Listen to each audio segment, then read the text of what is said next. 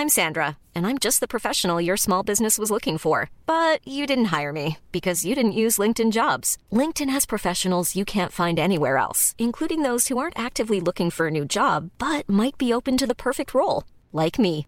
In a given month, over 70% of LinkedIn users don't visit other leading job sites. So if you're not looking on LinkedIn, you'll miss out on great candidates like Sandra. Start hiring professionals like a professional. Post your free job on linkedin.com/people today. Hi, I'm Daniel, founder of Pretty Litter. Did you know cats tend to hide symptoms of sickness and pain? I learned this the hard way after losing my cat, Gingy. So I created Pretty Litter, a health monitoring litter that helps detect early signs of illness by changing colors, saving you money and potentially your cat's life. Pretty Litter is veterinarian developed, and it's the easiest way to keep tabs on your fur baby's health right at home. Go to prettylitter.com and use code ACAST for 20% off your first order and a free cat toy. Terms and conditions apply. See site for details. Many of us have those stubborn pounds that seem impossible to lose, no matter how good we eat or how hard we work out. My solution is PlushCare.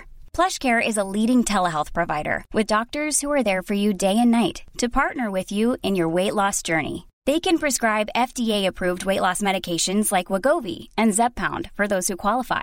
Plus, they accept most insurance plans. To get started, visit plushcare.com slash weight loss. That's plushcare.com slash weight loss.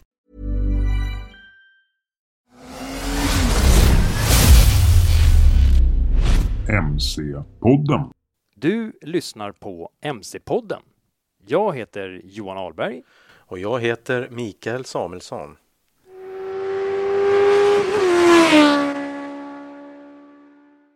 Ja, Micke. Första, Glass. för, första oktober och det är glass. Ja, första oktober. Då får man äta glass. Säsongen vägrar ta slut. Lite besviken på att vi inte fick kul glass. Nej. Vi fick tråkglass. Eh, vi fick Dumle. Kvalitetsglassen har de låst in kan man säga. Mhm. Det är slut på säsongen. Ja, Så nu är det vanlig hederlig, vad kallar man det här? Frysboxglass. ja. Och det här är Dumle. Mm. Eller det finns andra glassar också. Som Piggelin, Magnum. Mhm. Ja, men. Micke, det är ganska... Vi har ju tur. Tur med vädret och massa annat har vi tur med också. Vi har varit ute på tur också. Mm. Hojtur. Mm. Mm. Så att eh, ut till eh, anrika brostugan ute på Kärsön. Eh, ja, ligger ungefär en, jag, jag höftar här, en mil väst om centrala, alltså Stockholm city. Eh, bakom oss här, eller ja, söder om oss har vi ju Drottningholm, Drottningholms slott. Mm. Kungen Eh. kanske är där och gnider på någon customhoj eller någonting i garaget. Och då är det som så att om flaggan är uppe då är ju kungen hemma. Mm. Och det, jag såg inte det för du körde så fort in här. Mm. Eh, men eh, ja, vi sitter granne med kungen. Vi sitter vid brostugan. Ja. Kungen kanske kommer här rätt som det. På en egen motorcykel. ja, det vore ju... Vad tror du kungen skulle komma på för hoj ifall han körde motorcykel? Jag vet Ja. inte om han kör motorcykel överhuvudtaget. Det kanske han gör. Jag vet faktiskt inte. Nej, jag tror inte det är lämpligt. Nej, det kanske inte är det. Ja, vad skulle han komma på? En guldvinge? Jag tänker på en V-rod från Harley Davidson eller en Diavel från Ducati. Royal Enfield naturligtvis. Ja, såklart. Mm. Som av en händelse nämnde du det. Eftersom Mm. vi ska träffa Mr Royal himself Ja, idag. eh, eh, en annan kung. Mm. Mm. Kungen av Royal Enfield. Eh, men eh, det är lite kul för Brostugan, det, den har ju en liten historia. Den, den finns ju liksom på något sätt i, i en, eh, ja, i mitt MC-hjärta.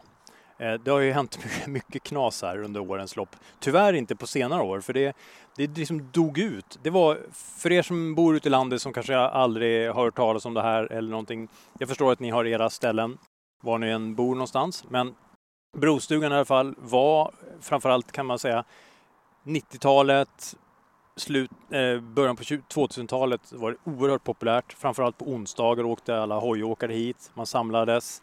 Man eh, hade riktigt kul. Det här var liksom utgångspunkten för kvällens körpass. Ja, och, och direkt efter jobbet på något sätt Ja. så började det här. Mm. eh, fortsättningsvis så blev det ju så att efter Brostugan så åkte man ju in till McDonalds, Just det, Sveavägen. på Sveavägen. Så då var det ju liksom att eh, då stod det folk här längs bro, broets eh, början eller slut beroende på vilket håll man kommer ifrån. Mm, mm, Så stod de och kantade där så drog alla iväg. mm. Och eh, antingen kanske med någon liten fräck burnout eller köra lite på bakhjulet och sådär. Mm. Eh, till en början så var det ganska lugnt men ju, ju längre tiden gick så, så kom ju polisen hit och var mer representativa här. Och körde på bakhjulet. De, Eh, nej, du menar de var här och tittade så att vi skötte ja oss? såklart. såklart. Men, men jag vet, jag kommer ihåg också, det var ju verkligen så här höjd, vad säger man? Eh, vad, vad ska man kalla det? MC-buden var ju oerhört tongivande i Stockholm på den här tiden. Alltså det var ju, det var ju ö- MC-bud överallt. Jag kommer ihåg ABA-kopiering och allt vad de körde för. Eh, och, och de var ju väldigt så här, höll på och latchade, körde på fram och bakhjul och sladdade runt. Och eh, ut här på Nockebybron som den heter.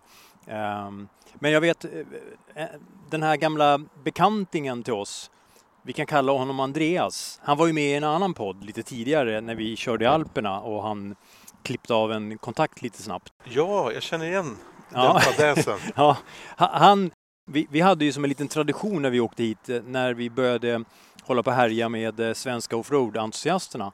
Eh, och, och um, då parkerade vi liksom lite så här demonstrativt alltid på en gräsplätt bredvid liksom där alla andra, alltså alla andra stod för- i vägkanten. För det kan vi ju berätta för folk att vägen in här från Nockebybron och in mot Brostugan Mm. den kantades när det var som bäst Ja. rent motorcykelmässigt. Då var hela vägen full med motorcyklar. Mm. Du hittade ju knappt någon plats att ställa dig. Körde du in så fick du vända och köra tillbaka och ställa dig en bit Ja. och sen gå tillbaka. Ja.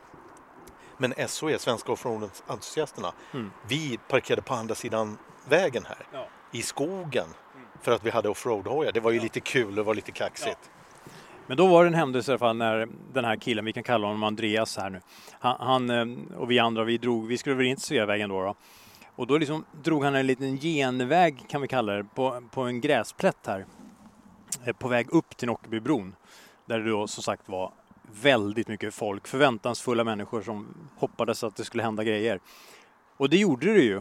Eh, för Andreas då, han drog iväg på sin kava, sin KLX 650R. En grön historia med blå ram. Eh, ut på Nockebybron, upp på bakhjulet, fick någon slags snedkast. Mm, underbart. Hoppas, Jag minns. hoppas ni hörde ljudet Mm, för det gjorde vi. verkligen det. Det var någon som drog på Mm. Nockebybron. Mm. Mm. Nej, men passade bra här, för, för det var ju just det den här Andreas då, då gjorde. Och fick någon snedkast och drog omkull på sniskan och det sprutade gnister om hojen och, och ja.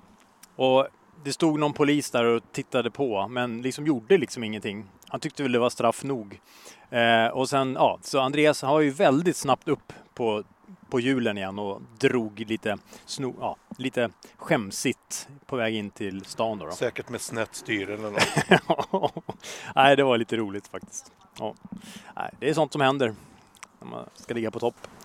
Annars så minns jag de där onsdagarna. Man, man åkte ju hit. Det var ju liksom ett det var ett träffsäkert och nästan ett ska man säga? Det var en som drog iväg igen. Mm. Det är lite hojar här ändå. Mm, Vi mm. trodde att det skulle vara ganska eh, ont om hojar men Mm. det är inte så många som har åkt in just här. Men, Jag ber om ursäkt för att jag sitter och äter glass, men Mm. det hör ju liksom till. ja, oh ja. Men, nej, men man var ju här varje onsdag. Så enkelt var det. Det var ju Mm. ett stående i, i veckan. Men sen eh, tror jag, om man ska tro ryktet, så var det väl polisens närvaro som gjorde att det blev inte så kul längre när de stod här och kontrollerade. Kanske gjorde flygande besiktningar på en del hojar. Passade på här när de ändå hade möjligheten till det. Mm. Du menar att alla var lite halvkriminella? Nej, jag bara menar att eh, Men det kanske det, fanns var, väl, det fanns väl saker att anmärka på. det, fanns, det var en reflex som saknades eller? Ja, jag vet inte. Men det, det dog ut i alla fall. Ja, Så nu är, det inte, nu är det inte på samma sätt. Nej. Det, det förekommer träffar här men det, det är mera bil, Mm. bilträffar här. Ja. Och stället, de har ju drivit café här sedan 1932. Så det, Ja, det är rätt länge. ja, snart får vi faktiskt käka ännu mer glass för då får vi fira 100-årsjubileum här då. då. Mm. Inte vi, men Brostugan. Brostugan firar 100. Ja, men det är lite minnen när vi sitter här och, och kollar runt. Det är Mm. inte så mycket som har förändrats ändå. Nej. Det är sig likt. Ja. Ja, Det, här, här får man här inte nere. bygga hu- hur man vill Det är heller. lite svårt också för det är ju vatt, det är ju Mälaren här nere. Nej, men jag tänkte det pågår ju något här när vi åkte in. Det, Mm. det var någon renovering av något slag. Ja. Lite längre ner ligger ju Kärsö diskgolfbana som är faktiskt väldigt eh, känd. Ja. Som en av de första i Sverige tror jag.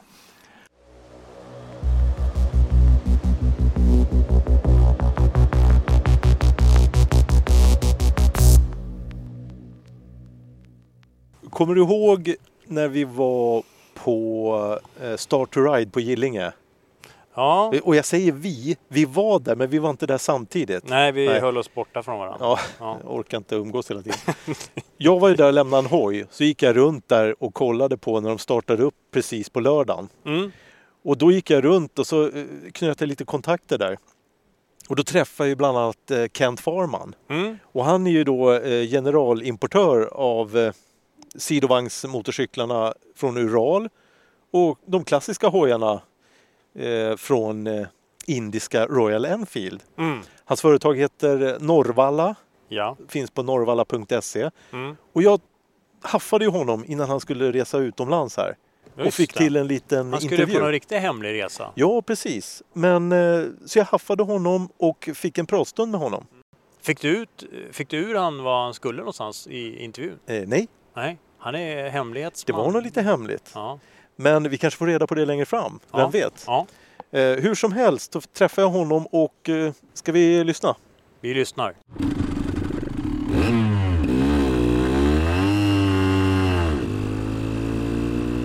Men då eh, vill jag hälsa hjärtligt välkommen till MC-podden Kent Farman.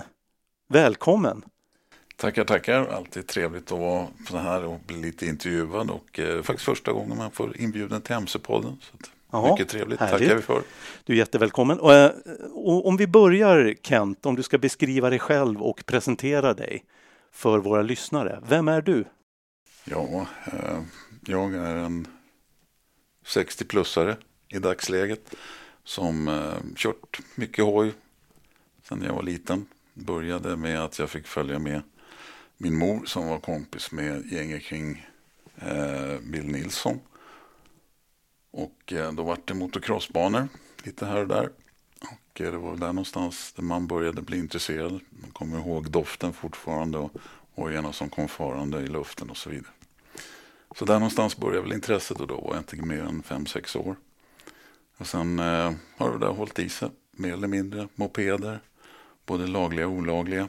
Och offroadkörning, fyrhjulingar, sidovagnar och så vidare. Va, vad är ditt första tvåhjuliga minne skulle du säga? Om du, om du tänker tillbaka. Mitt första tvåhjuliga minne det är absolut min cykel. Vanliga cykel jag hade på Hägerstensåsen när jag växte upp där. Som man lindade stubintråd runt ekrarna och satte pappskivor med klennypor emot så att det skulle smattra. Och så cyklade man runt i hela Stockholm med den där. Med rocketstyr och långlimpa och grejer. Det var härligt. Mm. Ja, jag minns det själv också. Men vad det gäller det, kanske sådana motorfordon då med tvåhjuliga motorfordon. Då var det väl eh, de första mopederna som man började brumma runt på i 11-12 års åldern. Så. När du sen gick in på lite tyngre, eh, alltså lite tung MC så att säga och, och, och började närma dig att ta kortet då? Hur gick det till? Eller vad? Jo, då var det så här att jag vill, hängde ju på låset när jag var 16 då och tog eh, 125 kort som det hette på den tiden. På, I Västberga faktiskt. Då körde man ju upp som privatist på den tiden. Så jag köpte faktiskt av en kompis en 125 CB. Med eh, clip-on-styr och som man låg över tanken. Men det var de enda som gjorde fyrtakter på den tiden. Annars så var de andra japsen var ju tvåtakter.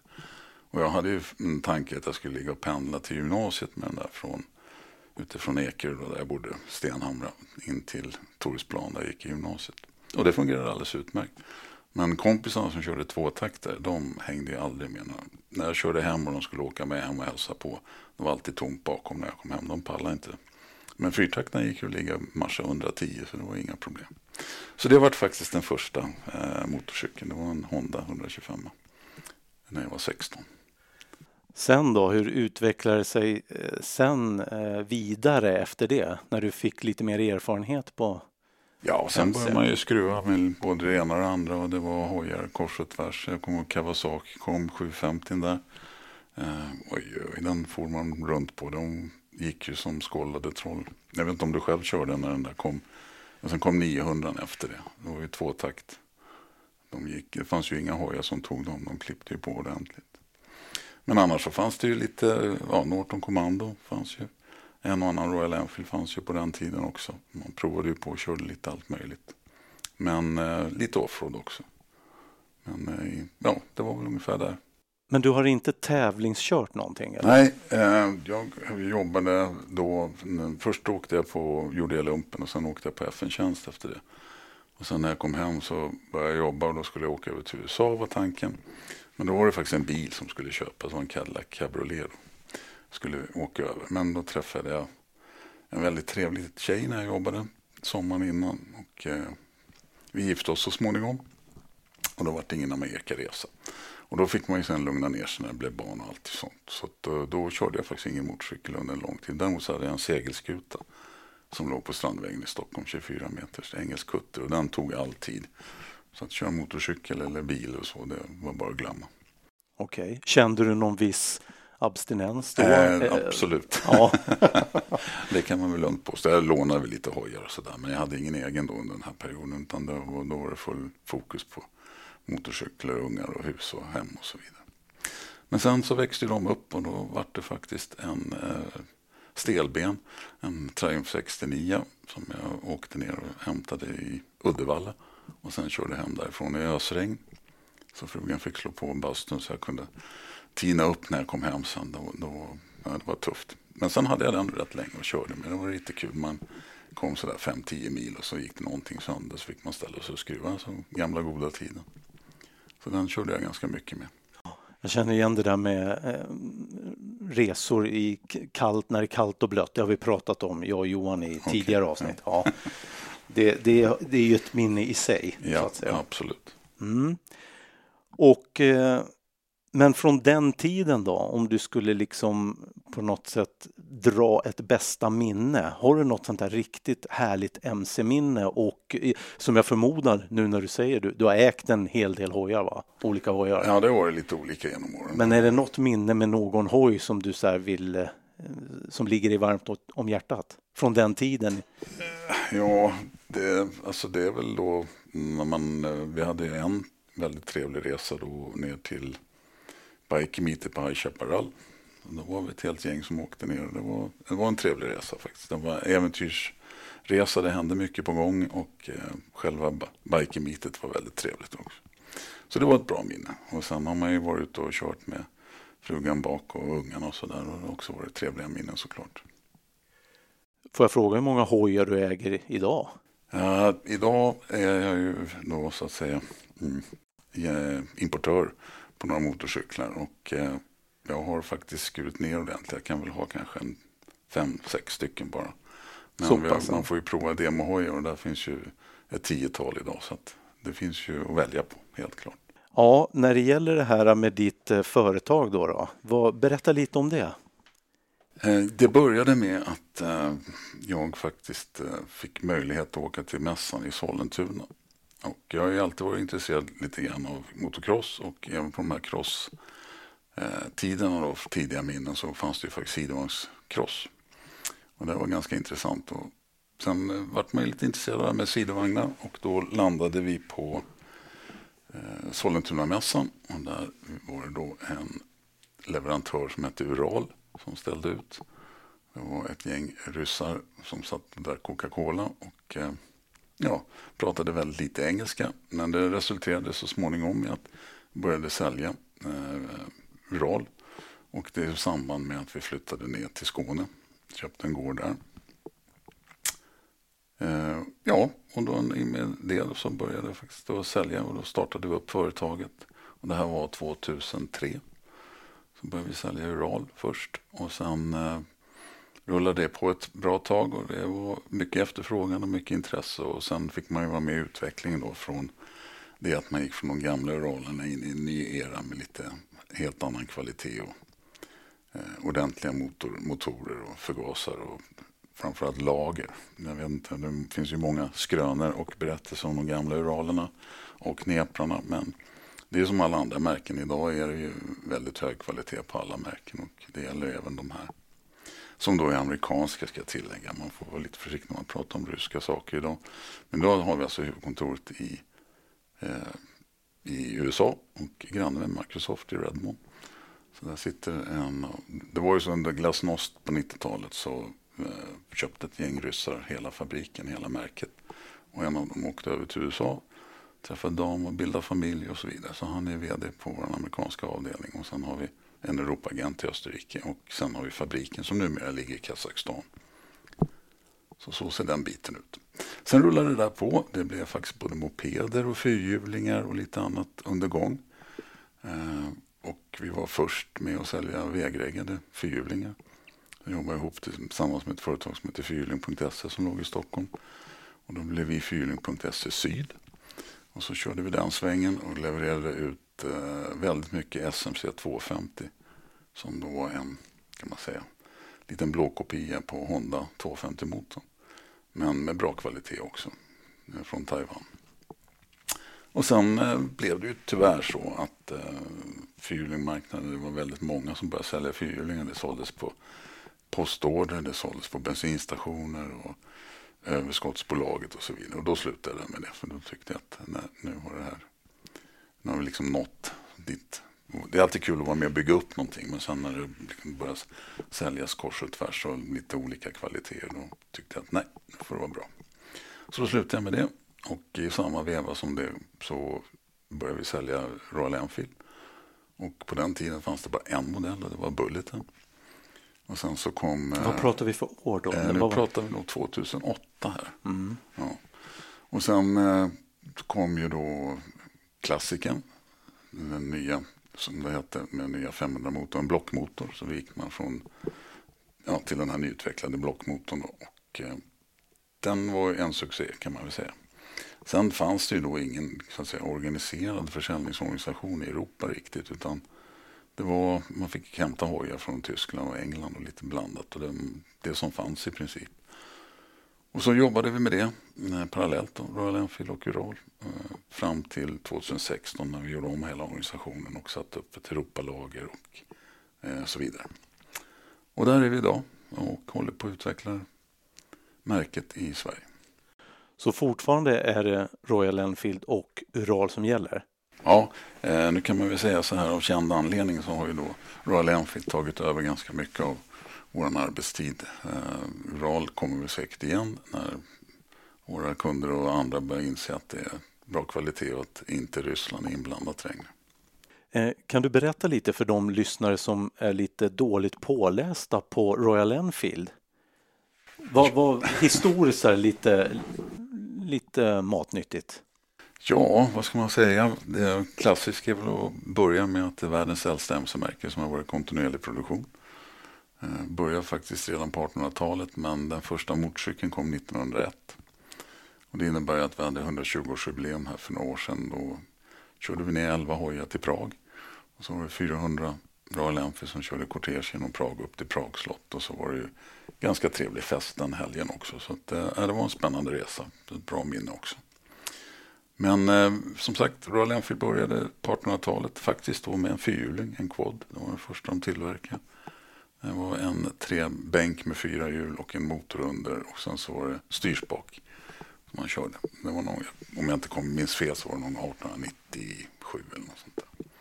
Men sen 1901 kom första motorcykeln. Fantastisk konstruktion som man faktiskt har gjort en replika på idag eh, från gamla bilder och teckningar och ritningar man har hittat. Så idag har man byggt en replika som just nu är i USA och på turné som fungerar och går att köra. Allting handbyggt. Mm. Men det finns en då som en, de har byggt? En med, med modern? Ja, ja, precis. Mm. Häftigt. Eh, men det är lite kul just när man tittar på historien där. Många tror ju också, jag får ju ofta den frågan att Royal Enfield är det. Eh, man tog ju bort Royal där när det flyttade ner till Indien. Men det måste vi också klargöra att Royal har inte med engelska kronan att göra. Utan Royal var ett företag som slogs ihop med ett företag som hette Enfield. Det var Royal Enfield. Och Royal var eh, dåtidens en av de största exportörerna på synålar, alltså nålar av olika typer. Som var fantastiskt duktiga på metallurgi och tillverkade nålar i alla storlekar och exporterade. Så det företaget slogs ihop med Enfield som då var vapentillverkare. Och vips så hade man då en Royal Enfield. Så det är lite spännande. Ja, verkligen. Sen har det då otroligt många modeller. Alltså det finns, de har gjort väldigt många modeller som har sålt olika. En del har blivit riktiga succéer, andra har tillverkats under en kort period och sålts. Men det var också på mässan i Milano för vad det blir nu, två år sedan. På 120-årsjubileet hade man alltså gjort en, samlat ihop, så då hade man en motorcykel från varje decennium som man visade på mässan. Så det fanns det alltså en modell från varje decennium. Det var lite kul. Och det var också den här med som var handbyggd från den första motorcykeln 1901. Så att det är ett företag med ska man säga, väldigt mycket historik. Och jag skulle kunna berätta i timtal. Jag förstår det. Jag förstår Men det ska vi inte göra nu. vi, vi, kan ju återkomma ja, längre fram om det. Men det är ju det är brittiskt från början. Ja, ursäkta, det sa jag inte. Men absolut, det började i England då, i Redditch. Eh, och eh, 1901 var den officiella då starten för motorcykeltillverkningen. Och sen har det hållit på. Och sen vet vi alla som har hållit på med motorcyklar att eh, under 60-70-talet så helt plötsligt så dök det upp lite nya märken på racebanan. För det var där man började. Och de hojarna eh, stod man och höll tomgång på på 11 000 varv. Så att de inte skulle stanna. Man hade en person som stod och höll igång dem. Och de engelska raceförarna började undra vad är det här för något. Och det gällde ju alla märken. Så då började japanerna att synas på racebanan och sen visade det sig att eh, de här hojarna varit ju en försäljningssuccé över hela världen.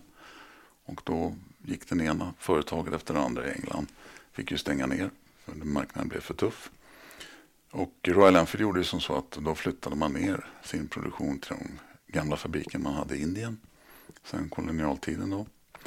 Och där började man då producera motorcyklar. Som i början då hette Enfield. Och det är väl därifrån det här kommer att man trodde att Royal tillhörde Enfield. Eller kronan då. I, ja, jag förstår. Ja. jag förstår. Men det var väl ett vinnande koncept Absolut. då, eh, nu med facit i hand, att det flyttades till Indien då? då? Ja, det får man väl lov att säga. För där, dels var det en väldigt stor produktion. Man hade ju en stor marknad bara i Indien. Och sen gjorde man exportmodeller. Så man gjorde alltså redan då började man producera modeller för den indiska och asiatiska marknaden och modeller för export till då Europa och England. Men du har varit i Indien, Kent? Eh, Tyvärr har jag faktiskt inte varit där än. För att vi skulle åkt dit men så kom det ju någonting som hette pandemi däremellan. Så vi hade ah. princip bokat resan men det var bara att ställa in. Så förhoppningsvis så ska vi bli en resa ner i, nu i vinter istället. Härligt. Och när vi ändå pratar om pandemin, vad, hur, hur var det för dig då under den tiden? Eh, vi vet ju alla vad som hände. Det, det, det mesta dog ju och, och det, det dök lite grann. Men, men hur var det för din del? Ja, faktiskt så blev det faktiskt tvärtom. Eh, vi upplevde ett, ett bra uppsving på försäljningen och eh, väldigt många var intresserade av att ja. och, eh, ta både mc-kort och eh, köpa en motorcykel. Så det hängde väl ihop med pandemin. Och eh, jag måste ju berömma indierna. De gjorde en fantastisk lösning. Eh, man, hade byggt, man byggde tre nya fabriker här under föregående decennium toppmoderna. Den första var klar 2013. Och där började man då producera Himalayan bland annat. Och sen eh, den Continental GT 535 som kom där. Men eh, under den här tiden då så hann man bygga en ny fabrik också 2016 och en 2017. Så satt vi alltså med tre toppmoderna fabriker som kunde producera 2000 motorcyklar om dagen. De körde för fullt. 2000 om dagen? Ja, så det, de gjorde nästan en miljon motorcyklar här nu förra året totalt sett. Det är skaplig försäljning. Det är skapligt. Eh, största marknaden är ju självklart fortfarande i Indien och Asien. Men det växer stadigt i Europa och USA. Och det är kul. Och sen har de ju, sen vi började 2008 så har det hänt väldigt mycket med kvaliteten också. Men det vill jag tillägga, det gäller ju alla märken såklart. Eh, vi har Euro 5 i Europa idag, de har BS6 nere i Indien. Och det är alltså att man har höjt krav på lackfunktion, eh, bromsar, avgas såklart och så vidare. Och så vidare. Krom. Men hur, hur skulle du beskriva Royal Enfield som, som MC då? Liksom? Vem, vem är den för? Eller vem? Eh, ja, vad ska man säga? Det, det, som sagt, när vi började hade vi en modell, Bullet. Den, eh, det, den har ju väldigt eh, mycket historia bakåt och den har väldigt mycket alla känner till den och alla har hört talas om den och några har sett och några har någon eh, granne som har haft eller någon pappa som har haft eller så vidare, någon farbror. Så att det är lite kul, alltså det finns mycket historia med och eh, de som, som är intresserade av Royal Enfield och Triumph och Norton och BSA och så vidare, de har väl mycket engelskt liksom, intresse. Eh, Engländerklubbar finns ju i alla länder idag och så vidare. Så att det är lite kul. Och eh, de här hojarna har ju då rullat på och Bulleten kom först, klassiken kom sen.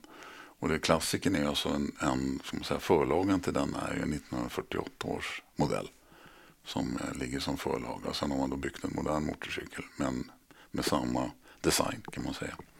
Förutom att det då är en toppmodern motor idag med bränsleinsprutning och så vidare. Men per definition Kent, är det då äldre användare menar du? Eller, ja. eller är det... Vad, vad, säger yngre generationen då? Kan, kan man på något sätt locka dem också till märket? Ja, det som är lite roligt är att alltså, alla har ju en historia bakåt men det kommer fortfarande väldigt mycket människor som kliver in i våran, vårat showroom och så tittar de och säger jaha, har du byggt de här själv? De vet inte ens att märket finns. Eh, och med fler och fler yngre människor börjar upptäcka att märket finns. Och eh, nu när vi har fått så många modeller också så är det klart att man träffar en annan eh, publik och man träffar en annan målgrupp.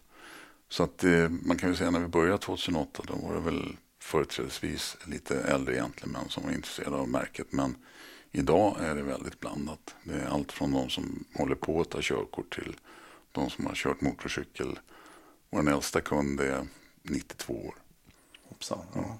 Han kör en ny All New Classic 350. ja. Och sen motorstorleksmässigt också va? så ligger de väl inte i toppskiktet när det gäller storlek på motor utan de ja. tillverkar mindre motorer och Absolut. Eh, det, det, som är lite roligt, det de är kända för, det är väl 350 och 500 framför allt. Då. Men sen gjorde man ju under kriget gjorde man en 125 som man använde för fallskärmsjägarna. Och man tog Pegasusbroarna med hjälp av de här motorcyklarna faktiskt. Var det de som släpptes ifrån ja, flygplanen? Dels från flygplan och dels med glidflygplan. Så man tog Pegasusbroarna på det sättet. Men visst, eh, det får vi väl liksom vara ganska ärliga med att vi har ju en kubikhysteri, eller haft i alla fall, i, i, framförallt i Norden. Går man, åker man ner till Italien så är det kanske inte så himla. Där är det en 250 eller 400 eller en 500 hyfsat 650. Så att eh, Royal Enfield har väl hållit sig mellan 350 och upp till 650 på de här nya hojarna. Och sen hade man ju lite större mm, vetvinnare och så som man har gjort tidigare. Så får vi se vad som händer framöver. Men i dagsläget har vi alltså tre modeller på 350-plattformen. Uh, nu ska man ju säga att det är en väldigt välutvecklad motor som har samma körfrekvens som den gamla 500 har. Så att den, den klarar av väldigt mycket och bra bottenvrid och så vidare. Och sen har vi två stycken äventyrshojar på 411-plattformen och nu har vi också tre stycken på 650-plattformen, Twin-modell. Kul. Och för den som är intresserad, eh, hur hittar de era modeller, Kent? Eh, ja du, det är de hittar de väl på våra hemsidor antar jag, på mässor. Och sen så Ni har flera vi, hemsidor? Ja, och sen börjar vi synas ute på trafiken också. Så dels har ju våra återförsäljare hemsidor och sen har vi själva hemsidor och Facebook och så vidare. Mm. Så www.norvalla.se eller www.royalenfield.com. Härligt. Eh, nu sa ju du att förra året en miljon hojar. Och jag förstår ju det att i Indien så har man väl en annan syn. Du kanske har en annan motorcykelkultur där. Det var därför jag frågade om du hade varit där. Där ses väl motorcykeln och det tvåhjuliga framför allt som ett transportmedel. Eh, här har vi ju i Sverige lite mera, ja, vi, kom, vi har mera nöjesåkning på sätt och vis. Men eh, när det är så där otroligt mycket motorcyklar så tänker jag direkt på Royal Enfield och eldrivet. Vad tror du om det? Ja, alltså vi får väl se. Det, eldrift kommer ju olika modeller. Eh, olika märken plockar fram det så vi får väl se vad Royal Enfield hittar på. Det vet jag ingenting om i dagsläget. Nej, nej, nej. Eh, något annat du kan lyfta fram när det gäller historiken och eh, det som gäller Royal Enfield som märke? Ja, alltså, det är väl det som är, är väl skojigt att det har följt med så länge i historien. Alltså det finns en sån historik bakåt. Så är man intresserad av vilket märke man kör så har man ju alla möjligheter att hitta skojiga saker i historiken. Det ehm, finns väldigt mycket skrivet om dem. Man kan eh, googla och så vidare. Men det som är nu aktuellt, det får man väl lov att säga, det är ju framtiden. Och man kan ju säga att egentligen så har väl startbanan precis nått slutet på. Den sista modellen som kom nu som heter eh, Supermeteor 650. Med den modellen så har vi liksom nått slutet på startbanan och nu börjar vi väl lyfta. Så att eh, som sagt de modellerna som finns idag de har utvecklats under lång tid. Och eh, jag måste ju säga att Indien är väldigt duktiga på både design och teknik. Så det är väldigt kvalitativa hojar. Och självklart, eh, det gäller ju alla märken idag. För att Euro 5 är ganska tufft och det krävs ganska mycket. Det är inte bara eh, avgaskrav och annat utan det är väldigt mycket som ingår i paketet Euro 5. Och det gäller ju alla märken såklart. Och moderna komponenter på hojarna då, som eh, ja, ja. ABS och sånt. Det, det, är Royal Enfield utrustade med? Absolut. Det sitter ju då dubbla Bosch ABS-system. Som har ett system för framhjulet, ett system för bakhjulet. Och sen så har vi Kenin bränsleinsprutning, eh, Brembo skivbromsar och så vidare. Och sen har de tagit fram en egen eh, navigationsinstrument som heter Trip Navigator som gör att man har Google Maps för hela Europa. Det ingår i priset. Då. Så då tankar man ner vår gratisapp till sin mobil och sen så kan man köra på Google Maps i hela EU. Och så har vi tre års eh, e EU-garanti också. Och eh, du var ju på eh, Start to Ride, det var ju där vi träffades och eh, jag var där och kikade lite. Du hade några hojar där. Gick det bra där också med, med provkörning etc? Ni hade ju den där äventyrshojen och den heter Ja, det, det, finns två. Himalayan kom ju först. Och där är en holländsk tjej som hon gjorde den världsberömd på sin resa. Hon åkte ner och så körde hon hem en Himalayan från Indien till Holland. Eh, jag tror inte hon körde många meter på asfalt utan hon gillar att köra offroad. Det gör hon ju fortfarande. Itchy Boots kan jag rekommendera. Hon finns ju också på nätet. Eh, så hon har ju gjort väldigt mycket för den äventyrsmodellen. Jag tror jag har sålt. Jag har aldrig sålt så många motorcyklar på telefon som den modellen och det är hennes förtjänst helt och hållet. Eh, idag är hon ju ute och kör kors och tvärs i världen. Hon, hon skulle ju också köra från Patagonien till Alaska på en Himalaya. Men samma sak där, pandemin kom emellan så hon blev stoppad i Peru. Fick ställa hojen i Lima och sitta, med 11 dagar tror jag det var, i karantän och sen så fick hon flyga hem till Holland. Och sen fick hon vänta där till pandemin hade gått över och då hade hon hojen tyvärr blivit förstörd i det laget som den stod. Och när hon fick hem den så var det inte så mycket kvar av den tyvärr. Och då köpte hon något annat märke och sen så fortsatte hon sin resa. Hon gjorde ju den slut upp, ända upp till Alaska. Fantastisk och väldigt trevliga reseberättelse. Så det kan jag rekommendera. Sen har ju två stycken Himalayan varit på Sydpolen också. Eh, det är också rätt häftigt. Det finns också lite grann att läsa om där. Och eh, i den med det här så, den var egentligen tänkt då till indiska armén som ordinanshoj. Men eh, så lånade man ut lite hojar för att testköra dem och då fick resebyråerna tag på dem och sen var det några turister som fick köra upp i Himalaya och sen kom de hem och så gick de till sin MC-handel och sa att de skulle ha en Himalaya. Eh, och MC-handlaren kliade sig i huvudet och undrade vad är det för något? Och på den vägen vart det. Så då slutade det med att de här turisterna började skicka mejl till fabriken och så vidare. Och sen, sen kom den i en europeisk version, Euro 4 2018. Så det är riktigt kul. Och då gjorde man också en scramblad version som heter Scram som kom lite senare. Så det finns två stycken sådana. Men det är en 411 motor, femväxlad. Eh, fantastisk maskin, väldigt bra på grus. Kul. Men eh, på Start to Ride, det, det fanns ett intresse. Det var folk som kom fram och provkörde era hojar också. Ja, det får jag väl lov att säga. Jag tyckte vi hade ganska fullt upp. Hojarna rullade hela tiden. Sen är det väl alltid så att det lugnar ner sig lite framåt eftermiddagen eller kvällen. Men då är folk vi, mätta. Ja, precis. Så, men det rullade på bra tycker jag. Vi hade ju tur med vädret i år igen. Så Verkligen. Ja, ja Kent. Eh, nej, men kan du inte berätta lite mer om eh, själva modellprogrammet när det gäller Royal Enfield? Ja, absolut, det gör jag jättegärna. Som sagt, eh, det började ju då 2008 med Bulleten och sen kom klassiken 2009. Då var 500 kubikare en blockmotor. Sen har det här utvecklats och man började då utveckla Himalayan 2013 i nya fabriken och den här 535 som var en Continental, alltså en kaféracer med uppborrad 500 kubikare. Så det var samma motor som på Classic men uppborrad. Och då fanns det också en engelsk tjej. Hon tog med sig sitt team till Bonneville och så satte hon hastighetsrekord med den här hojen. Och föregångaren till den det är ju en 250 som man använder på racebanorna under racehistorien. Så det finns mycket historik från racebanorna om Royal Enfield också. Och offroad. Eh, vi har ju Six Days då bland annat. Eh, Johnny Britton som vann sex år i rad eller något sånt där. Och sen eh, kom ju Himalayan 2018 och sen matade man på då med någonting som slogs med häpnad och det var ju Tvinnarna när de kom 2019. Vi hade ett gäng journalister som körde i Kalifornien och gjorde reportage på. Och då hade en av dem gjorde som en kul grej. Han kom ut med sin kaffekopp på morgonen från hotellet. Ställde den på tanken på sin Interceptor och startade. Och kaffekoppen stod kvar och hans kollega stod och filmade. Och den blev ju genast livat på sociala medier så att ta bort tuggummit och sådana där saker. Och då gjorde de om det och visade botten först att det fanns inga tuggummi någonstans utan man ställde kaffekoppen på tanken och startade och den stod kvar.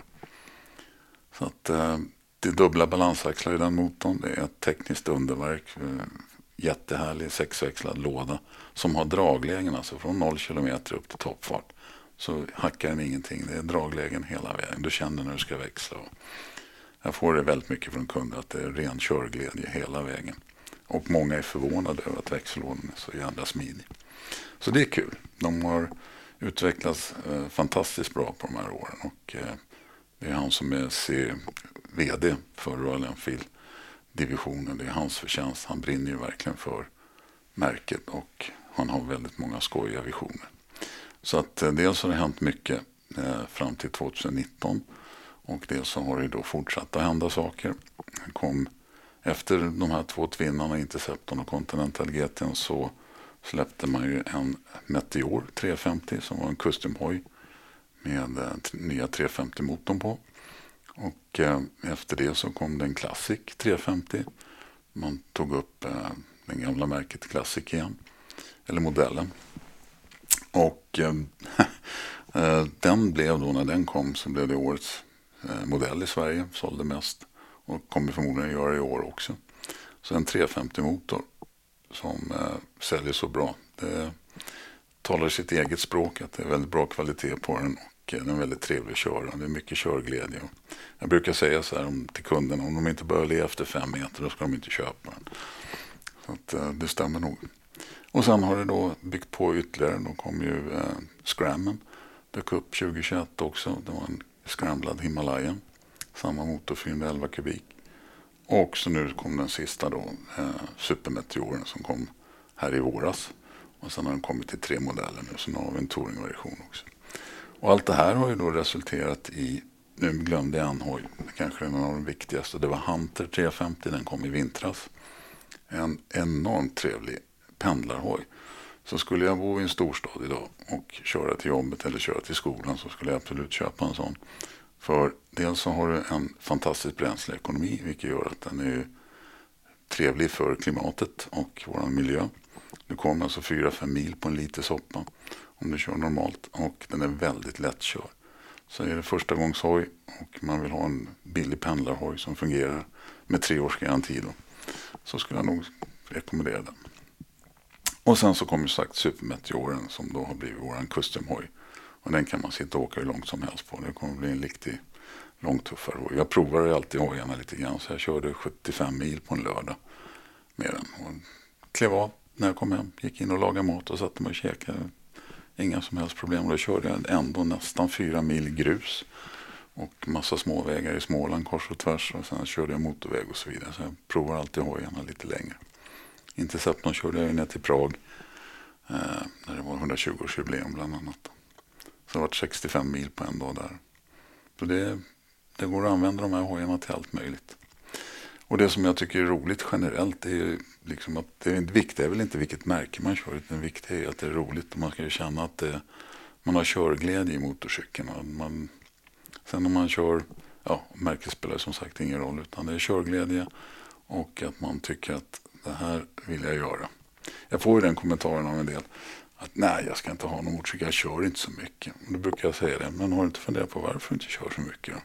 Nej, om du kanske har fel motorcykel. Oavsett märke. Du kan ha fel motorcykel. Prova en annan. Så kanske du blir, tycker det är kul igen att börja köra. Bra sagt Kent. Riktigt bra sagt.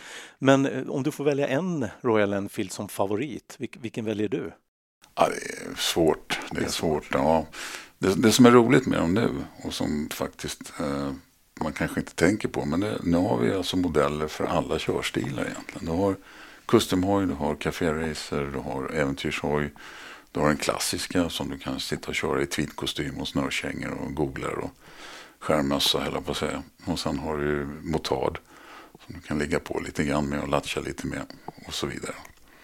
Och sen Interceptorn då som touringhoj. Så idag finns det alla körstilar och det är svårt att säga någon speciell där. Men skulle jag ha en hoj som jag skulle vilja ha och pendla med eller brumma runt på så är det nog Hunter 350 i så fall. Den är så extremt lättkörd. Man blir glad när man rullar iväg på den.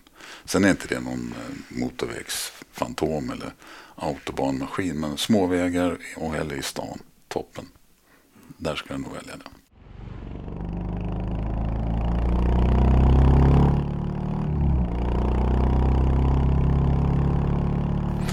Ja, och sen eh, när man tittar på historiken här så har vi en ganska intressant bit och det är ju att det bolaget som idag äger Royal Enfield och tillverkar Royal Enfield de eh, hade alltså successivt köpt upp aktier och för ganska exakt 23 år sedan så tog man över hela Royal Enfield-koncernen och tog det ganska lugnt, tittade på vad man hade köpt, eh, började fundera på hur man skulle gå vidare och det resulterade då i att 2008 så köpte man upp eh, Harris Performance i England som väldigt duktiga konstruktörer, gör mycket raceramar till racehojar. Och 2013 byggde man som sagt den första nya fabriken i Ogdaram. En fantastisk skapelse och det är alltså Chip Shape och Bristol Fashion hela vägen.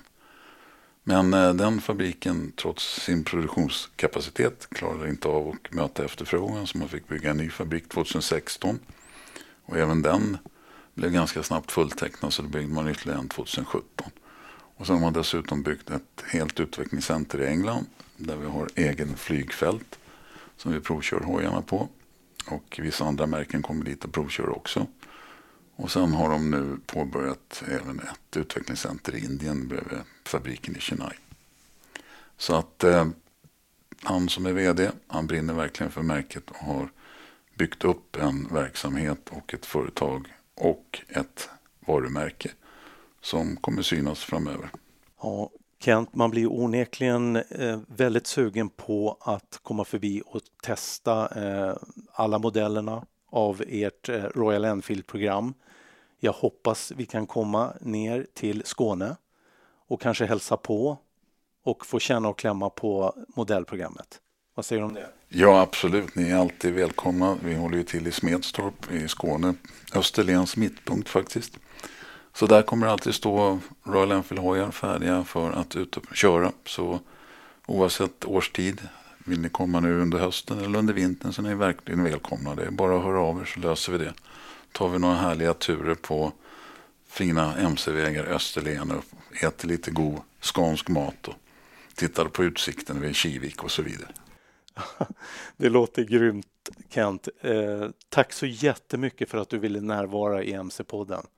Och ha det så bra så ses vi framöver, hoppas jag. Tack själv Micke, det var trevligt att komma hit. Tack så du ha. Tack. Hej då. Hej.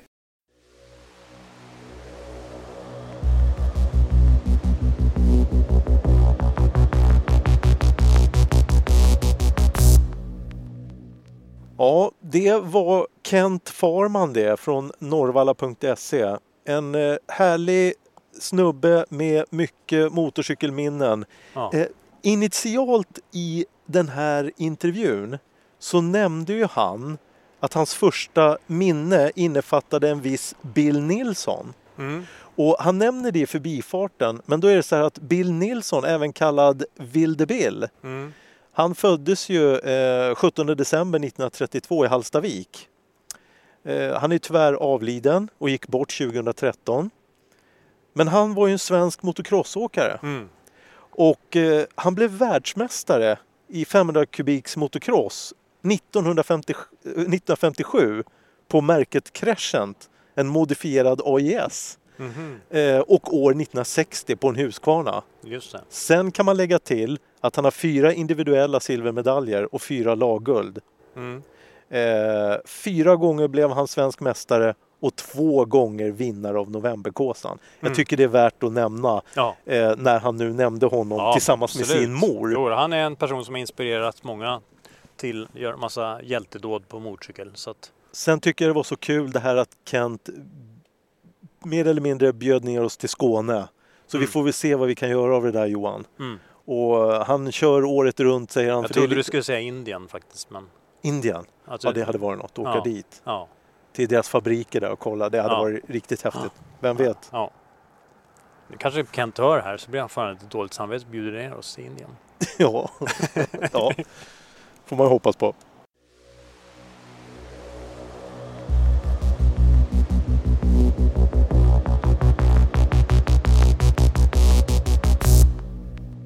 Jag tänker, vi har ju nämnt redan här att det är som en nyhet i förra podden pratade vi lite om Eh, att eh, Gotland Grand National, världens största endurotävling på självaste Gotland och eh, Tofta skjutfält, firar ju 40-årsjubileum i år. Men eh, tyvärr så är det ju så att eh, försvaret har ju sagt nej till vidare eh, körning på Tofta skjutfält där de då har kört i alla år.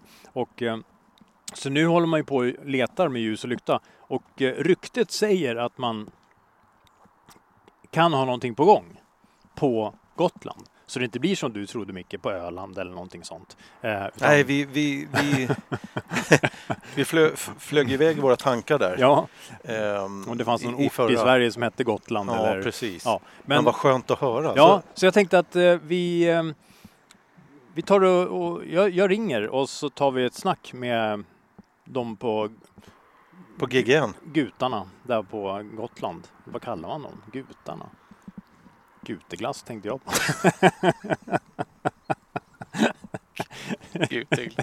Vi ringer Guteglassarna. Välkommen till Nordisk Sport Event Conny. Hej Conny, Johan Ahlberg på fastbikes.se och MC-podden. Tjena, tjena. Hej, jag ringer eh, till dig med anledning av eh, allt det här som har hänt på senare tid kring Gotland Grand National och framtiden i och med att Försvarsmakten eh, kom med det här tråkiga beskedet eh, kring eh, det förändrade omvärldsläget som gör att de behöver eh, använda Tofta skjutfält i en helt annan utsträckning än tidigare. Och, vilket då leder till att de inte kan ge tillstånd till att Gotland Grand National körs där i fortsättningen. Ja, men det stämmer ju bra. Eh, och eh, jag tänker, jag- har ju hört lite rykten och jag förstår att om inte du kan och respekterar att du kanske kan svara på rykten, men hur, hur ser arbetet ut framåt, om vi säger så? Ja, men vi jobbar ju för fullt med det här såklart. Eh, Gotland Grand National som i år fyller 40 år betyder ju oerhört mycket för Gotland och vi startade ju bolaget för att en gång rädda och utveckla GGN för tio år sedan eh, när föreningarna inte orkade driva det vidare. Det var 30-årsjubileum egentligen. Och eh, det omsätter 100 miljoner för näringslivet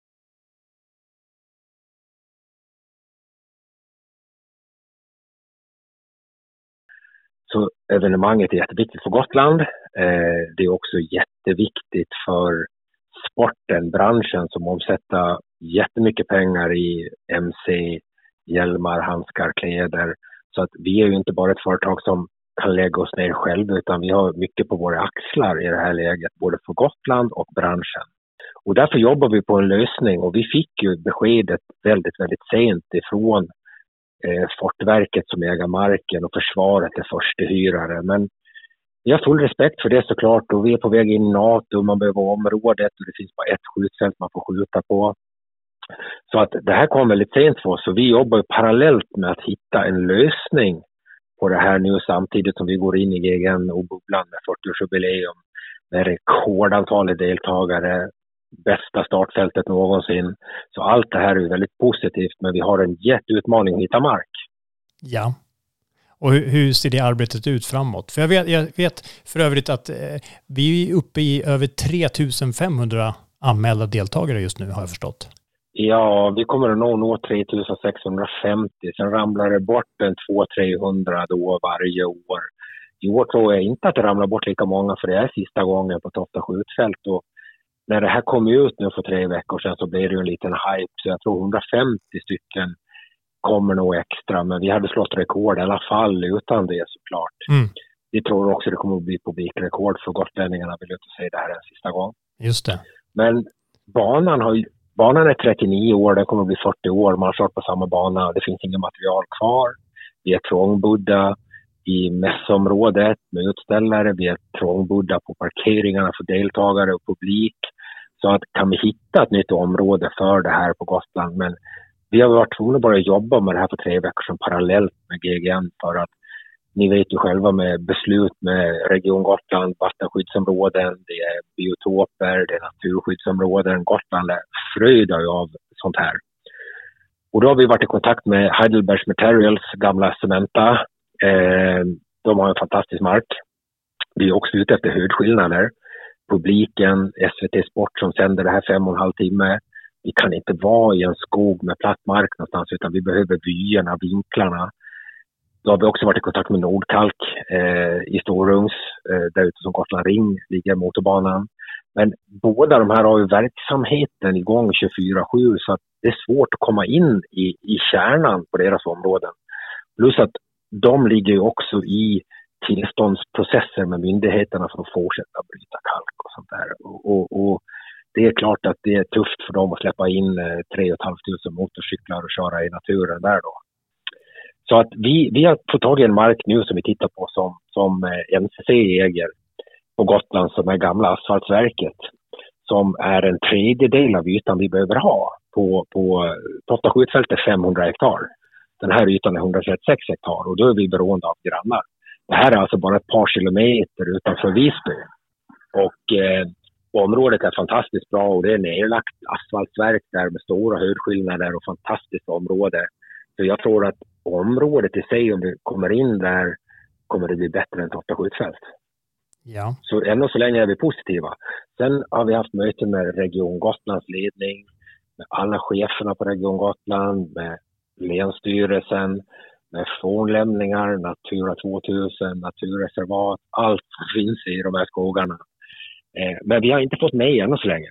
Och imorgon kväll här eh, har vi faktiskt ett möte med 15 grannar i området och ingen som vi har pratat med är negativ. Okej. Okay. Det här är alltså området kring Hejdeby som jag har förstått det? Ja, precis. Helt riktigt, ja. Mm. Och det är det vi tittar på skarpt läge just nu och vi hoppas ju att vi eh, ska få tillstånd att köra där, såklart. Det hoppas jag med. Men eh, så att eh, helt enkelt, jag förstår ifall det, det blir ju långbänkar och sånt där ofta och sådär, men att du, du ser ändå positivt på en fortsättning följer på på Gotland så att det inte blir Gotland Gröna National på Öland eller något. Nej, precis. Alltså, det är så här att ett så är det ju för Gotlands skull vi gick in i det här för att behålla gästnätterna. Men sen har vi ju lärt oss branschen på de här nio åren och de är fantastiska alla deltagare och våra partners och sånt där som är stora i världen idag på Europanivå. Det är ju börsbolag som är partner till oss idag. Så att vi har ett stort ansvar där också. Är det så att vi inte kommer fram på Gotland och då har vi sagt så här till Region Gotland och Länsstyrelsen att kan vi inte hitta mark och komma överens och vara klara i november i år med det eh, så måste vi då titta på fastlandet eh, som vi kallar det för och då är det två regioner på fastlandet som har hört av sig och vill eh, liksom att vi kommer över. Och de två regionerna håller vi ännu så länge hemliga. Men det finns två regioner som är intresserade av att köpa över det här. Och, och, det är klart att vi måste ju överleva med det här. Men sen, sen måste i första hand vi ha kvar det på Gotland, men i andra hand så flyttar vi över det till fastlandet. Mm. Men det ska rätt mycket till för det. Ja. vi håller tummarna såklart, alla vi GGN-fans såklart.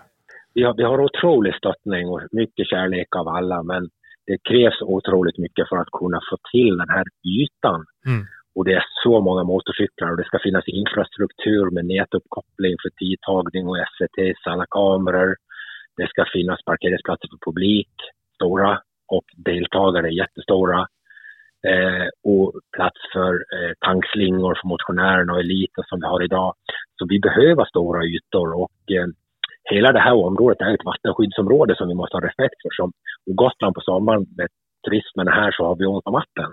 Så att vi har också anlitat han professorn Nils eh, som har hjälpt motorsportklubbar att jobba med FIM i Europa som har eh, hjälpt oss på ett tidsmöte i två timmar. Och vi ska försöka skapa en bättre miljö där genom en biologisk mångfald med motorcyklarna och människorna som går runt i skogen. Eh, som är positivt för miljön. Och det här har vi läst på och kan på våra fem fingrar nu och det är så vi lägger fram det till Länsstyrelsen Region Gotland. Att även om vi är där och förstör lite marken med motorcyklarna så ska vi skapa en bättre biologisk mångfald genom andra insatser vi kan göra på området. Mm. Det låter ju fantastiskt bra. Ja, eh, det, det, vi har stor respekt för, för miljön såklart som är viktig i många, många år framöver. Men eh, GGN är också viktigt. Och där känner vi en otrolig stöttning från både branschen och, och näringslivet på Gotland. Mm, jätteroligt.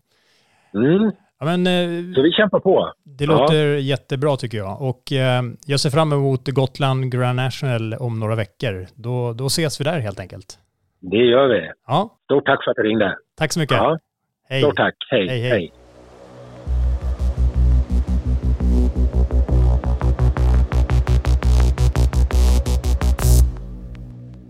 Jaha, spännande. Ja, men eh, då får vi se då vad som händer här. Men eh, någonting är ju på gång i alla fall, så det, det låter ju lovande.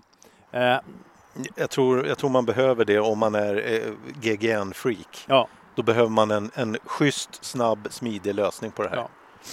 Jag tror ju personligen att, att eh, det är ju lite så här eh, det är ju ungefär som att flytta Vasaloppet, eh, skidloppet uppe i Dalarna liksom, till eh, någon annan plats. Det skulle ju bli lite konstigt. Alltså, men samtidigt som jag tror att en del kommer tycka att det är tråkigt att man flyttar från Tofta skjutfält med all dess kalksten och, och eh, all stalp och, och liksom eh, till något annan, någon annan plats. Men jag tror att det kan bli det kan ju bli något nytt, något bra och av det. Jag är helt övertygad om att de kan få till en väldigt bra eh, enduro jag är däremot rädd att om det blir för mycket liksom eh, ja, extremare enduro så kanske man tappar den stora breda massan som ändå Gotland, alltså en del tycker ju att det inte är enduro, det är mer som långkross, Det är som bred bana och inte som traditionell, men det är ju det som kanske är charmen med just Gotland Grand National, att det är så speciellt. Att det liksom inte är vanlig ett spår i skogen enduro, så att säga, utan att det är lite mera ja, för alla. Man kan åka dit och, och liksom köra nästan en svensexa höll jag på att säga. Nej men alltså, det, inte riktigt kanske men, men, men ja det har säkert hänt det också såklart. Garanterat. Ja. men ehm. Paris-Dakar flyttade ju runt eh, ja, ett tag också. Ja, visst. Så jag menar det var väl inte Paris-Dakar eh, flera år? Nej, och där har det flyttat till lite tveksammare platser i och för sig. Nu är de ju i Saudiarabien och jag vet inte, det kan man väl säga om hur så, man tycker att det är så lämpligt så att det, det körs i ett sånt land. Men... Det går väl att flytta anrika grejer lite varstans men nej, vi får hoppas att ja. GGN blir... Nej, vi håller i. Jag tror näringslivet och eh, Gotland som ö kämpar nog hårt för att det här ska få vara kvar på Gotland. Så att, ja. Vi håller tummarna. Det låter ju bra i alla fall. Det låter lovande, så att kul. Men eh, annars då? Eh, vi, vi, eh, vi har ju lite, som sagt, det fortsätter ju att drälla in nyheter. Och bara för att nämna något, eller några nyheter, det, det, um, det händer ju var och varannan dag nu. Men det är ju, Triumph presenterade ju en um, ja, 24, 2024 års uh, Scrambler-modeller. Uh, där bland annat Scrambler 1200X är en ny version uh, och så får vi se en uppdaterad Scrambler 1200XE Ehm, där då 1200X utgår ifrån den modellen som vi redan har sett sedan tidigare då, 1200XE. Men där Scrambler 1200X har en lite lägre sadelhöjd som kan minskas ytterligare till, eller den är på 820 mm och kan minskas till 795 mm med en lägre tillbehörssadel. Och, eh, ja. och den, där, den där provkörde jag ju tidigare i år. Just det, precis. Och eh, jag, jag, blev verkligen frälst i den där hojen. Ja, jag kommer ihåg att du var lite småkär. Ja, för jag gillar det konceptet och jag gillade den. För den har, den har liksom en mix av mycket. Just det, du körde Chrome Edition eller något sånt där va? Mm. Och den var ju rätt hög och, och, och liksom man satt på den. Så att jag, jag förstår ju det om man ska, ska få till att alla ska kunna köra den så är det ju bra med lägre sadelhöjd. Men vad innebär det mer då Johan? Jag blir lite intresserad här nu. Vad ja. blir det på Xen då? Ja men alltså Xen då, då den, den, den har ju precis som den andra Marsocchi fjädring med 45 mm upp och nervänd framgaffel och stötdämpare bak med så kallade pigback-reservoarer. Alltså sådana här separata behållare då. Eh, och det är liksom fjäderförspänningsjustering som med, och det, vi pratar 170 mm fjädringsväg. Eh, alltså den, hela hojen är lite lägre.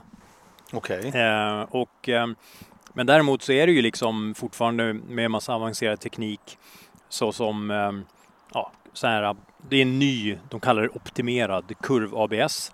Så att du alltså helt enkelt, ja, ABS-funktionen funkar även vid nerlägg i kurva. Eh, och sen har du en eh, ny eh, antispinn som är med kurvfunktion. Så den ska klara av att hantera om du nu skulle råka få eh, bakhjulssläpp eh, även vid kurvtagning. Ja, och sen är det en sån här som är på nästan var varannan hoj idag. TFT-instrumentering med anslutning för mobilen där man kan ha sån här sväng, sväng för sväng navigation och ja, självklart ringa ett samtal och lyssna på lite musik och sådär. Fem körlägen inklusive ett offroad-läge. Eh, vi snackar LED-belysning och dagstrålkastare, dagljus. Ehm, och eh, så slimmade moderna blinkers. Så, så de har slipat på hojen helt enkelt för att, få, för att skruva till och bli ännu lite bättre, säkrare kanske? Ja, Medan då XE då, den som redan finns men som har blivit uppdaterad nu, den har ju fått nya Brembo Stylema radialmonterade monoblock-ok eh, med 320 mm bromsskivor och bak har man slängt dit ett Nissin-ok med en, en, en enkelkolvs eh, Nissin-ok. Då, då. Äh, men och sen har man ju liksom slängt dit samma sak där, en 45 mm framgaffel och här är även där är det ju eh, stötdämpare med piggyback-reservoarer. Men där den stora skillnaden är att det är 250 mm fjädringsväg att jämföra då med Xen som hade 170 mm. Så vi snackar ju ganska mycket. Vi pratar 80 mm, så 8 cm skillnad. Jag hade den högre modellen när jag, ja. när jag körde. Nej, och sen man har liksom gått in i, det finns lite mera justeringsmöjligheter på fjädringen. Men det är fortfarande, båda modellerna har ju den här äh, karaktäristiska, vi snackar Bonneville Twinnen på 1200 kubik. Eh, rejält med vridmoment och eh, men man har slängt dit ett nytt 50 mm spjällhus och eh, andra eh, grenrör som enligt Triumph då ska ge bättre flöde så att säga och ett bredare register på, alltså vridmoment på högre varvtal från eh, eh framförallt från 5000 varv och uppåt ända hela vägen upp till varvtalsstoppet. Så att vi har inte bara gått om vrid där nere utan liksom hela vägen påstår Triumph. Då. Ehm, och sen, ja, man har liksom fin, finlirat alla de här inställningar och Ehm, som sagt, det, det är, här, även här är det ju fem olika körlägen. Ehm, och ehm, liksom, ja, sen har man ju på något slags snillrikt vis då optimerat den här eh, själva databoxen, IMU-enheten då som, som har utvecklats i samarbete med Continental och som möjliggör då någon slags ja, kontroll, alltså som håller koll, som är för säkerhets skull för dig då, hålla koll på så att eh, ABS ABSen och antispinsystemet verkligen, verkligen är rätt ute. Den känner av massa olika saker. Det kallas ju massa vackra ord, så här, ungefär som är hämtat från, från flyget. Så här, roll och pitch och jo och, och sen accelerationen då. För att då beräkna liksom någon slags lutningsvinkel och ja, hela tiden hålla koll då på vad som är lämpligt för att du ska hålla, behålla greppet helt enkelt.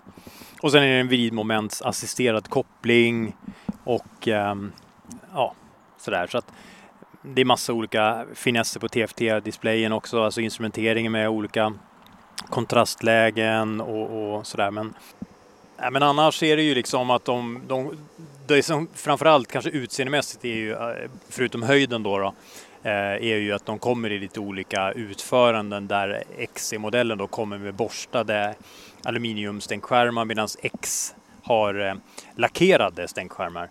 Och eh, det finns ju tre unika då så kallade lackvarianter tillgängliga för respektive modell. Och ehm, Eh, behöver inte gå in i detalj, men det är, vi snackar ju de klassiska Phantom Black och Storm Grey med röda detaljer och Baja Orange och Phantom Black eh, och eller Sapphire Black hos XC'n. Medan eh, X-modellen finns i Carnival Red eller Cool Ash Grey eller Sapphire Black. Jag älskar verkligen namnen på ja, de här färgerna. Verkligen, verkligen. Men det som var så coolt också med den här eh, scramblern, för eftersom jag gillade den så var det som så att eh, jag vet ju hur mycket tillbehör det finns. Och för att nämna några, det finns mer än 70 stycken tillbehör tillgängliga för de här. Mm. Och, det, och, det, är ju liksom för, för, att kitta dem efter vad man nu vill. Och nu snackar vi Triumph eh, genuina, genuina liksom, ja, eh, exakt. fabrikstillverkade. och säga. det finns ju allt då från eluppvärmda handtag till eh, 35 eh, liters toppbox, eh, höga kåpglas, eh, högt monterad stänkskärm istället för en låg, motorbågar, ja, men allt lullull du kan tänka dig för att nämna någonting. Mm. det kompletta bagagesystemet går att få med en total kapacitet på 102 liter last. Liksom. Mm. Det är rätt häftigt. Ja. Ett litet badkar, då, då får man med sig lite grejer. ja, verkligen. kanske. Ja. Hopfällbart badkar. Ja, men eh, en cool hoj och det är lite roligt nu att de i alla fall har gjort den tillgänglig eh, för personer som vill eh, ha lite närmare ner till marken så att säga. Men det andra, annars, annars då? BMWs R1300 GS, ja, Johan. Den har vi pratat om lite tidigare i något tidigare avsnitt av podden eh, och vi har väntat på den. Eh. Vi fick ju ganska tidigt somras, somras ett besked om att den skulle presenteras. Eh, och, ehm, eh, men, men eh, så här efter liksom fyra decennier sedan man först liksom etablerade den här speciella hojen, det förstod man väl kanske inte då, men sen man då införde GS-modellerna i sitt modellprogram från BMW så, så har det verkligen blivit en slags vad ska vi kalla, institution. Liksom. Det är en ikonisk äventyrs offroad-modell. Um, även fast eh, offroad, eh, den är ju kapabel men eh, det mesta folk använder den till är ju som en bekväm touringhoj som tillåter att man verkligen kör på alla typer av vägar. Sen de mest extrema förarna eh, använder de ju till extrema saker såklart. Sen kommer jag ihåg när den var 1150 på den tiden. Sen blev den ju 1200 och då bantade de ju den. Jag kommer inte ihåg nu i huvudet, men det var så 20 kilo, 21 kilo som, som den bantades från 1150 till 1200. Ja. Eh, sen så blev det ju 1250, för jag köpte ju, jag köpte ju en 1200 mm eh, från ja, Bike Trollhättan. Kommer mm. du ihåg? Du ja. hjälpte ju mig med den affären. Jag ringde ja. till han, Jerker. Jerker ja. Mm. Och då fick jag köpa den. Sen har den där vuxit, blev 1250 och mm. nu blir det alltså en 1300. Ja. Och då är det ju lite kul att de har gjort ytterligare en viktbesparing. Mm på 12 kilo jämfört med föregångaren. Då ja. tänker man så här, snart finns det ingen hoj kvar. ja. Eller hur? Det blir större och större men det blir lättare och lättare. Ja, hur mycket vikt ska man få ner? Liksom? Ja, nej, det är jättekul hur man kan liksom eh, men vad är det på den här då? Det är en, en helt ny boxermotor eller? Ja, och vi snackar exakt, det är 1300 kubik och eh, man har ju gjort lite sådana här grejer. Jag tänker på, vi pratade ju i förra podden om, det, om DVL med sin Matrix sitt Matrix eh, bakljus. Och här har ju BMW använt en Matrix LED-strålkastare Mm. eh, som ett, ja det ger liksom ett väldigt karaktäristiskt eh, en framdel på hojen som sticker ut lite grann. Men jag måste faktiskt få säga, jag har kollat på bi- bilder Mm. och den, den är ju den ser ju annorlunda ut, det är en ny design. Ja, den är ändå, kan man ju, slimmad. Liksom. ändå kan man ju ana Mm. att det är en GS. Ja. Men- det, det här är ju liksom, vad är det egentligen då? Det är, det är alltså som sagt en äventyrshoj för såväl grus som eh, asfalt. Mm. Och en oerhört, jag vet inte, de har ju sålt alltså miljontals av den här eh, sedan den eh, dök upp. Och, ehm, eh, och sedan den första då, modellen, den hette ju R80 GS då, kom 1980, så har alltså över en miljon GS-modeller rullat ut från fabriken. Då. Så att eh, riktigt häftigt faktiskt. Men eh, lite kort då, då så som jag sa så eh, snackar vi 1300 kubik alltså. Och designen som du var inne på, den har ju fått sig liksom en rejäl, eh, ja, något, det är ju något helt nytt.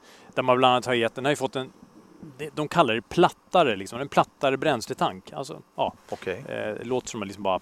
eh, Ja, helt avhuggen. Ja, Jag ställa en... riktigt som en bricka där med, med glass. Ja. Men, eh, och sen har vi den här alltså, som jag redan nämnt, eh, LED-strålkastaren med den här Matrix-designen. Eh, och så, ja, det är ju, det är ju liksom LED-belysning rakt igenom eh, där man bland annat har blinkers integrerade i handtagsskydden. Och eh, ja, sen är det ju som vanligt med alla sådana här hojar numera. Det är, finns ju ett antal färg och dekorvarianter. Och de har ju också eh, ett brett urval av eh, sitthöjdsvarianter Ja, ja. för att passa liksom alla Ja. Typer av personer Mm. oavsett längd på ben och kropp. Ja, ja. ja. Men annars är det ju som vanligt med GS, eh, ramen i stål och eh, bakramen är en eh, formgjuten aluminiumkonstruktion.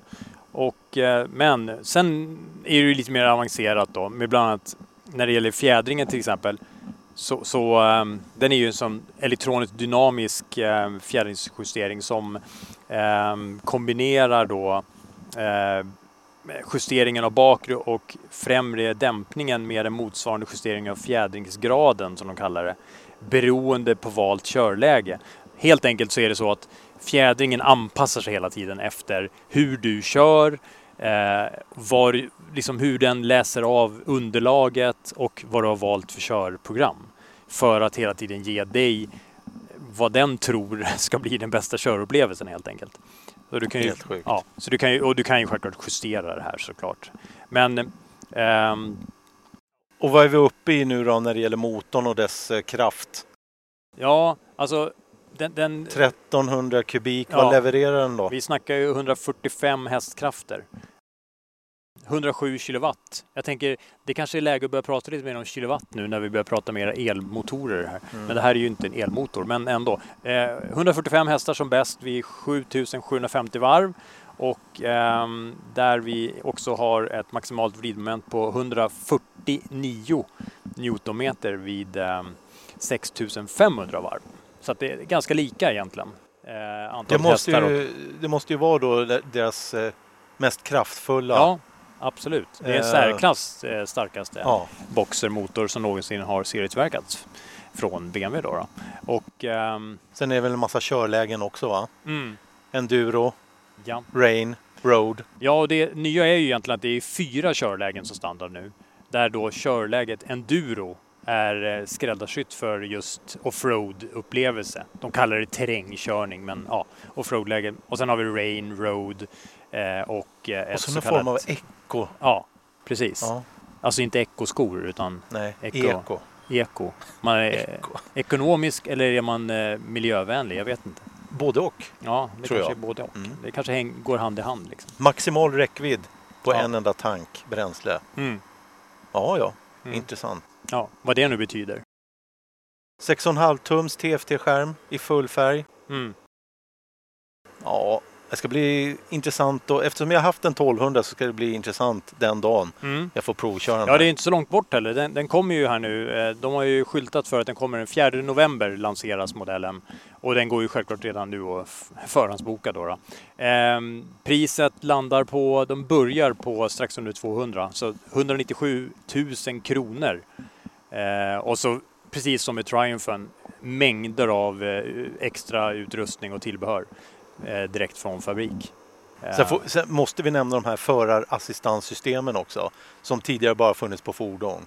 mm, Eh, just det. det kommer Bra vara adaptiv farthållare Mm, med integrerad avståndskontroll, ja. kollisionsvarning framåt Mm. med bromsingrepp som vi pratade lite om i tidigare Stämmer. och eh, filbytesassistent som övervakar Ja, körfälten till vänster och höger ja, och kan då hjälpa till för att eh, säkra filbyten. Då.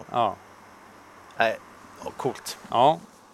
Nej men annars så var det en annan grej som jag tänkte. Eh, som sagt, det kommer ju massa nya hojar här hela, hela hösten och hela vintern här nu då inför nästa säsong. Men en grej som liksom känns ganska självklar att prata om nu, det är ju att det är ju höst. Och hösten är ju tyvärr, Ehm, framförallt oktober då som vi är inne i nu och november, är ju de månader på året där, då det sker överlägset flest olyckor med rådjur och älg, vildsvin och andra viltslag som det kallas. Eh, och eh, liksom när, ehm, när man har tittat på det här rent statistiskt så eh, sägs det att vi kan räkna med över 15 000 incidenter under de närmaste två månaderna. Alltså det motsvarar ungefär 250 incidenter med, med vilt. Alltså någon form av viltolycka eller incident på något sätt Per, per dag. dag i landet. Jaha. Så att jag noterade bara, de senaste veckorna har det varit ett antal eh, kollisioner mellan motorcyklar och älgar eh, som inte har gått jättebra. Så att eh, tänk på det ni där ute att eh, håll ögonen Ja, jag tänker på det när vi åkte från Bogesund senast. Ja, men vi pratade om det du och jag i vårt eh, headset där. ja, Eh, risken är störst i gryning och skymning. Det är Mm. då de flesta djuren letar föda ja, och förflyttar sig över större områden. ja, Så det är viktigt då att hålla extra uppsikt ja. efter vägkanterna, anpassa hastigheten. Sen är det ju så här att köra, vilket fordon man kör påverkar ju såklart. Jag menar, när man kör bil, det är ju oftast det de refererar till när man, hur man ska göra. De rekommenderar till exempel att om man är på väg att krocka med ett rådjur så ska man ju eh, bara i bromsa i första hand och försöka undvika att styra undan. Eh, och eh, risken för personskador är mycket större om du gör en okontrollerad undanmanöver och i värsta fall krocka med mötande trafik. Och det är ju förödande för oss motorcyklister. Ja. Vi har ju inget att sätta emot. Nej. Nej. Så att det, det är någonting man kanske faktiskt redan innan ska... Om man har tänkt igenom lite innan. Eh, vi, bruk, vi har ju pratat om det i tidigare avsnitt, det här med att man åker omkring och är som en liten radar. Mm. Att man hela tiden tänker, vad ska jag ta vägen ifall den här bilen kör ut utan framför mig? Och det kan man tänka på när det kliver ut ett vilt. Vad, bara mentalt ha tänkt på det innan så kan man faktiskt öka eh, chanserna för att klara sig. Och sen, det, det här låter ju helt sjukt, men skulle det nu komma upp en älg va? Mm. Så eh, det här låter ju helt sinnessjukt. Men försök att sikta på bakändan för den är lättast. Mm.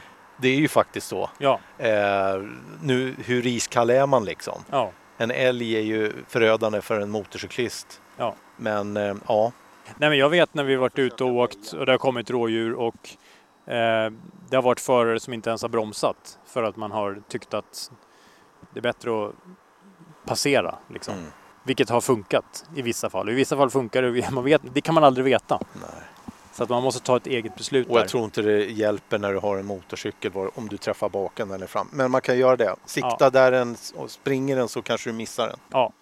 Men, Nej, håll, men att- håll ögonen öppna snälla. Ja, ja, så det är ju liksom, och tyvärr är det ju kombinationen eh, som vi hade senast när vi åkte hem, mörkt visir och motorcyklar med lite halvtaskig belysning.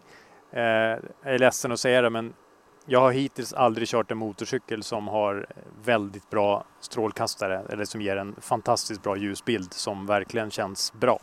Det, det är inte, hör ju inte till vanligheten. Nej. Vi, gjorde, vi åkte upp bredvid varandra och Ja. testade. Ja, Sätta på hellyset och ja, sådär. ja, Det, man ser inte så jäkla långt. Nej, Om man nej. inte har extra starka lampor nu, extra ljus. Så att det, det, då får man eh, novemberkåsa-kitta hojen i sådana fall. Ja. Så att säga.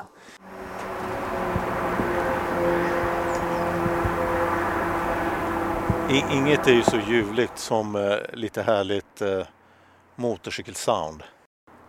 Var det en G6R 1100 kanske? Nej, det var det inte, det hörde jag. Nej, så nördig är jag inte, men, men nej, det var det inte. Ja, men Micke, det känns som att vi är dags att knyta ihop påsen för, för dagen, för kvällen. Fantastisk eh, oktober söndags Dag. dag, kväll. Ja, ja. Hojtur, söndag, riktigt typisk, eh, vad brukar man säga? Vad heter den där gamla beryktade, gamla klassiska On Any Sunday? ja, just det. Ja. Precis. Se den. Om det inte, i höstmörkret. Eh, Inte kanske världens mest välproducerade film, men ändå sevärd om man är lite definitivt, hojnördig. Definitivt. Så um, On Nej, Any vi- Sunday, vi, Ja, vi Ger oss. tar, vi, vi tar och avslutar vår Sunday. Ja, ja, vi ska ju hem också. precis. Så vi har fortfarande Vi måste lite väl- köra kvar. Ja, vi måste ju passera kungen också och säga hej. Att, Mm, kolla om flaggan är uppe. Nej, kul. Jag blev lite sugen också när jag hörde ditt snack med Kent där på en vända till eh, Indien. Jag drömde bort lite. Jag var ju där för massa år sedan och körde och nej, man blir ju sugen bara vid namnet liksom. Royal Enfield. Alltså jag blir Himalaya, drar runt. Nej, det låter riktigt härligt. Sjukt nice. Ja, men eh, tack för idag. Tack själv Johan och tack eh, alla lyssnare. Och som sagt, kör försiktigt nu när det börjar bli mörkt och med tanke på vilten som vi sa. Mm, Kör, eh, kör snyggt även när det är ljust. Och, eh, så är det. Som sagt, kör snyggt. Tack för att ni lyssnar. Tack ska ni ha. Ha det bra. Hej då. Hej, hej. Hej.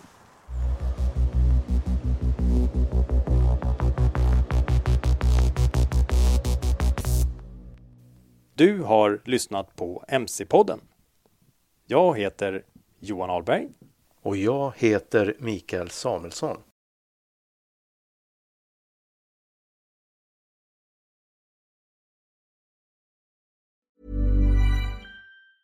Hi, I'm Daniel, founder of Pretty Litter. Did you know cats tend to hide symptoms of sickness and pain? I learned this the hard way after losing my cat, Gingy. So I created Pretty Litter, a health monitoring litter that helps detect early signs of illness by changing colors, saving you money and potentially your cat's life. Pretty Litter is veterinarian developed, and it's the easiest way to keep tabs on your fur baby's health right at home. Go to prettylitter.com and use code ACAST for 20% off your first order and a free cat toy. Terms and conditions apply. See site for details.